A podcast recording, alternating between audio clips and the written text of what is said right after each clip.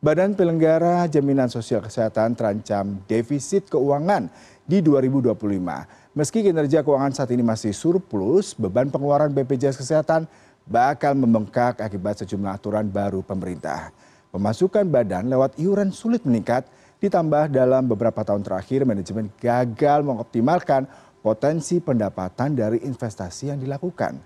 Lantas apa saja risiko jika ancaman defisit terjadi dan untuk membahasnya sudah bergabung melalui sambungan virtual koordinator advokasi bpjs watch timbul siregar. Selamat pagi pak timbul.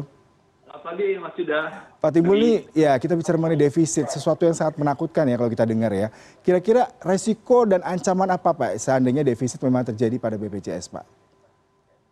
Ya jadi defisit itu terjadi sejak awal program jkn mulai ya satu januari dua ribu empat belas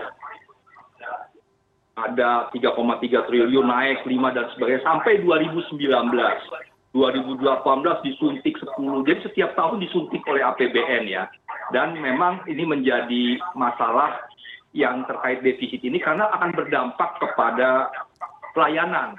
Karena dengan defisit artinya bpjs kesehatan akan mengalami kesulitan untuk membayar biaya ke paskes tingkat satu maupun tingkat dua khususnya ke rumah sakit ya ke tingkat lanjutan.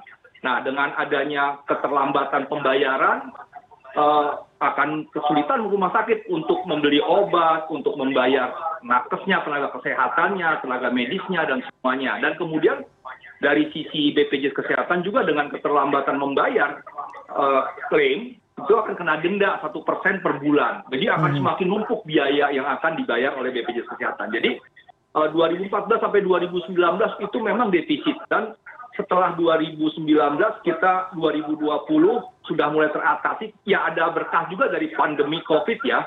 Nah kemudian dua ribu dua puluh satu kita surplus dua ribu dua puluh dua kita surplus. Di dua ribu dua puluh dua akhir kita mencatatkan bpjs kesehatan mencatatkan lima puluh enam enam triliun aset bersih. Jadi aset yang memang standby. Nah selain iuran nantinya selama 2023 nah kemarin saya dengar dari orang bpjs semester terakhir dua ribu dua puluh tiga ini aset bersih naik menjadi enam puluh tiga triliun. Jadi ini cukup baik menurut saya. Nah jadi semoga memang kita hindari yang namanya defisit karena defisit akan mengganggu pelaksanaan program jkn terutama kepada pasien peserta jkn dan kepada rumah sakit yang memberikan pelayanan.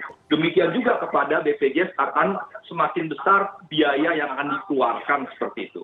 Iya pak timbul tapi anda katakan tadi dari pihak bpjs memberikan statement positif ya terhadap aset mencapai enam puluh triliun di semester pertama dua ribu dua puluh tiga. Tetapi ketakutan itu akan terus berjalan mengingat ada tadi ya tunggakan kemudian bunga dan salah satu solusinya pasti hanya mengandalkan dari pendapatan. Apakah anda melihat ini cukup ideal dalam waktu dua tahun untuk meningkatkan aset dan juga membayar utang dan beberapa beban bunga itu pak?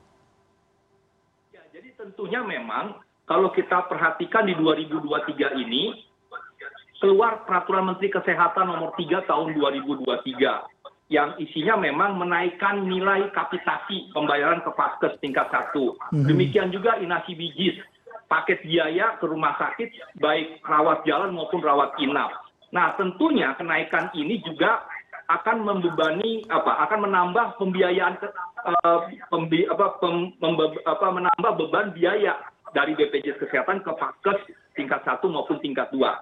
Nah selain itu di permenkes tiga tahun dua ribu dua puluh tiga ini juga screening itu diperbanyak. Artinya upaya mencegah promosi dan preventif nah ini bagus tapi memang konsekuensinya memang akan menambah biaya. Dan kemudian juga keputusan pemerintah menetapkan covid dari pandemi menjadi endemi. Ini konsekuensinya covid akan dibiayain oleh bpjs kesehatan program jkn nah tentunya ini juga akan meningkatkan pelayanan meningkatkan biaya pelayanan kesehatan.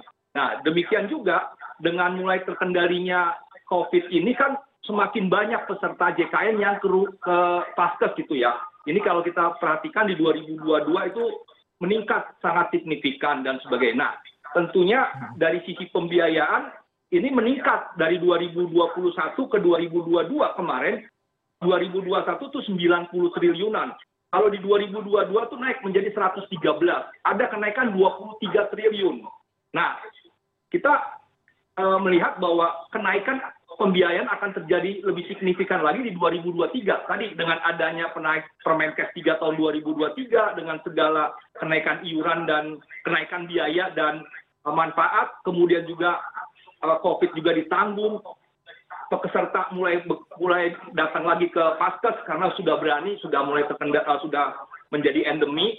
Nah, tetapi di satu sisi iuran pendapatan JKN ini kan 99 persen itu dari pendapatan iuran. Kalau kita perhatikan pendapatan iuran 2020 ke 2021 itu hanya naik 2,4 persen dari 139 ke 143 triliun. Nah, hmm. di 2021 ke 2022 hanya naik 0,05 persen. Dia hanya naik uh, dari 143 triliun ke 144 triliun. Artinya pendapatan ini kenaikan pendapatan itu sangat jauh dibandingkan dengan kenaikan pembiayaan. Hmm. Ini akan terjadi juga di 2023.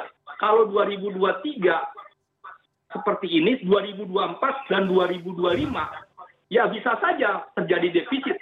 Tapi menurut saya ini harus bisa dikendalikan dan tentunya kalau saya sih berharap pemerintah harus berani mengikuti isi pasal 38 Perpres 64 tahun 2020 yang mengatakan kenaikan iuran itu paling lambat dua tahun. Mhm.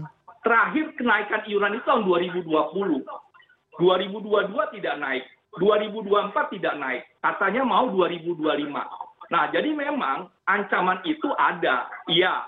Nah, tetapi harus bisa dikendalikan, harus bisa diantisipasi dengan tadi upaya pemerintah dan bpjs kesehatan untuk meningkatkan pendapatan iuran karena dengan peningkatan pendapatan iuran itu bisa membiayai beban pelayanan kesehatan ke paskes tingkat satu maupun tingkat dua maupun preventif promotif dan sebagainya. Hmm. Nah jadi saya sih berharap uh, misalnya ada instruksi presiden nomor satu tahun 2022 tentang optimalisasi JKN. Nah presiden harus mengevaluasi bagaimana 30 kementerian lembaga pemerintah daerah, seluruh pemerintah daerah tingkat satu dan dua, itu mengoptimalkan tentang pelayanan, eh, tentang kepesertaan. Karena dengan kepesertaan yang aktif, itu akan meningkatkan pendapatan iuran. Dengan pendapatan iuran yang semakin besar, akan mampu membiayai pelayanan, pembiayaan pelayanan kesehatan. Nah, jadi tentunya harus juga disertai dengan pengendalian biaya untuk masalah uh, beban biaya ya, seperti beberapa fraud yang terjadi yang dilakukan oleh oknum rumah sakit. Misalnya operasi sesar juga ini memakan biaya.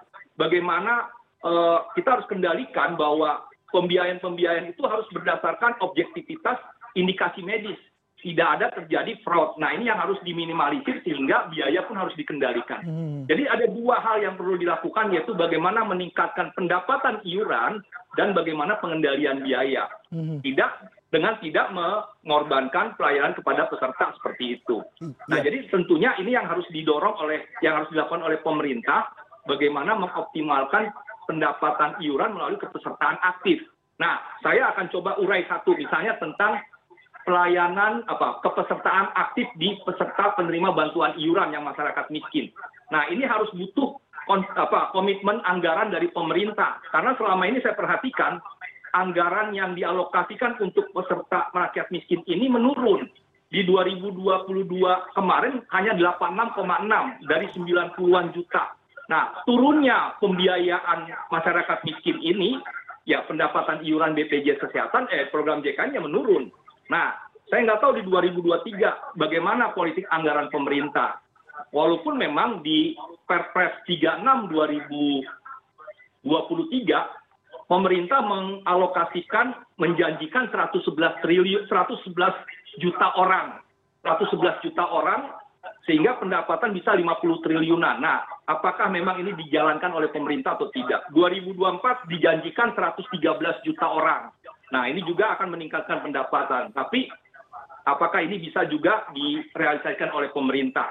Nah, jadi PBI itu juga harus ditingkatkan karena masih banyak rakyat miskin yang dinonaktif, dinonaktifkan sepihak oleh Kementerian Sosial. Nah, ini pertama. Yang kedua, dari sisi kepesertaan mandiri, masih banyak peserta mandiri yang melakukan apa uh, iurannya tertunggak, tidak mampu membayar. Nah, ini juga harus juga bagaimana ada diskresi pemerintah melakukan diskon pembayarannya kemudian mencicil sehingga dengan cicilan ini dengan diskon dan cicilan artinya uh, peserta mandiri kita bisa membayar dan terjadi pendapatan real, pendapatan iuran yang real gitu. Nah, yang ketiga segmen dari pekerja penerima upah swasta ini juga harus didorong sehingga kepesertaannya meningkat. Saat ini sekitar 16 sampai 17 juta Padahal pekerja formal kita itu bisa sampai 45 juta. Nah hmm. ini kan yang memang menurut saya kepesertaan penerima upah yang sangat potensial meningkatkan pendapatan iuran. Dia harusnya lebih tinggi dari PBI. Nah tetapi memang uh, kita tahu sendiri pengawas penegakan hukum masih lemah. Sehingga kepesertaannya masih sekitar 16-17 juta uh, orang seperti yeah. itu. Kalau beserta dengan keluarga bisa 35 jutaan, tapi ini kita bicara peserta pekerja yang membayar iuran.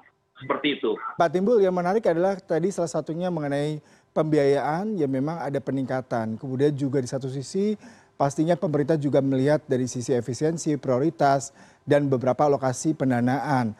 Nah, dengan kondisi keniscayaan ketika pastinya kita bicara mengenai fasilitas kesehatan, kemudian juga obat-obatan, biaya dokter, bahkan ada informasi dokter juga tidak dibayar dengan kondisi utang kemarin BPJS. Apakah Anda tidak melihat memang kondisi seperti ini sebuah keniscayaan juga sehingga tidak semua harus dibebankan kepada pemerintah dan kalau hanya menunggu pemerintah mengambil kebijakan, menaikkan apa namanya biaya, kemudian di satu sisi juga ada yang subsidi, kemudian ada yang anggaran itu akan semakin membengkak dan kenaikan 2025 tidak akan bisa menjadi solusi, Pak. Ya, yang saya maksud adalah komitmen pemerintah menjalankan regulasinya. Regulasi yang dibuatnya, seperti tadi Perpres 64 tahun 2020 pasal 38. Ada batas waktu kapan naiknya iuran, maksimal dua tahun. Ini udah uh, tiga tahun, uh, 2024 empat tahun tidak naik nah itu yang pertama yang kedua instruksi presiden nomor satu tahun 2022 ini kan juga meminta kepada 30 kementerian lembaga dan pemerintah daerah tingkat satu dan tingkat dua memaksimalkan kepesertaan. Nah, jadi memang konteks pembiayaan dalam JKN ini pendapatan itu kan secara gotong royong, mhm. tidak dari pemerintah saja, mhm. gotong royong. Nah, dari gotong royong ini seperti tadi saya sampaikan, sebenarnya potensi pendapatan iuran terbesar itu dari PPU swasta, bukan dari PBI.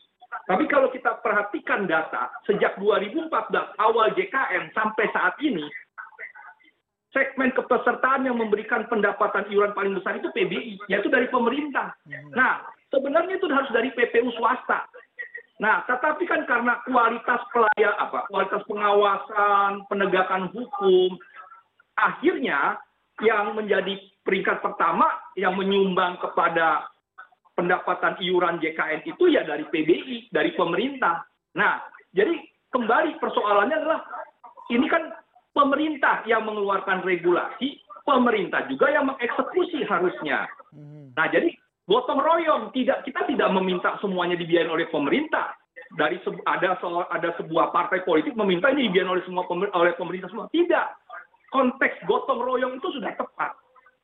Bahwa seluruh peserta membayar iuran, termasuk rakyat miskin. Nah, dalam Undang-Undang SJSN dibilang rakyat miskin dibiayai oleh pemerintah. Nah, tetapi karena selama ini pemerintah sepertinya juga belum maksimal, sehingga pendapatan iuran itu hanya baru dari pemerintah yang paling tinggi, yaitu dari PBI APBN. Ya, yang kemarin itu 86 jutaan itu sekitar 44 triliun. Nah, jadi kalau 96,8 triliun, 96,8 eh, juta orang itu 48 triliun. Nah, itu paling tinggi terus dari sejak 2014 sampai sekarang. Nah, sekarang kembali kami sih berharap bahwa karena pendapatan iuran itu lebih tinggi, lebih didominasi diperoleh dari iuran kepesertaan aktif.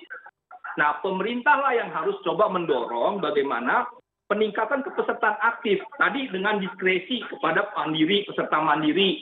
Kalau sekarang ini ada peserta mandiri nggak berani nggak bisa bayar karena utangnya udah numpuk tunggakan iurannya. Nah kasih diskresi diskon dan cicilan sehingga menjadi peningkat apa menjadi pendapatan real nah pendapatan ini kan akan digunakan untuk membiayai ke tingkat satu maupun tingkat dua. Nah jadi kembali persoalannya adalah bagaimana pemerintah ini bisa lebih serius. Kalau seluruhnya diserahkan kepada direksi bpjs kesehatan tidak akan mungkin. Karena program jkn itu berhasil karena didukung oleh seluruh kementerian lembaga gitu. Tidak bisa dibebankan kepada bpjs kesehatan. Baik, Pak Timbul. Nah, ini yang diamanatkan dalam Impres 1 tahun 2022 seperti Ya. itu. Baik, Pak Timbul terima kasih untuk perbincangannya pagi hari ini. Salam kasih, sehat selalu. Pak. Semoga solusi bisa segera diberikan terkait dengan ancaman defisit ini, terutama bagaimana pemerintah memberikan langkah strategis, apakah memang meningkatkan Ya. biaya, kemudian juga koaksi eh, gotong royong dari warga untuk ikut serta menjadi bagian daripada JKN sendiri. Selamat pagi, salam sehat selalu Pak. Selamat pagi, terima kasih.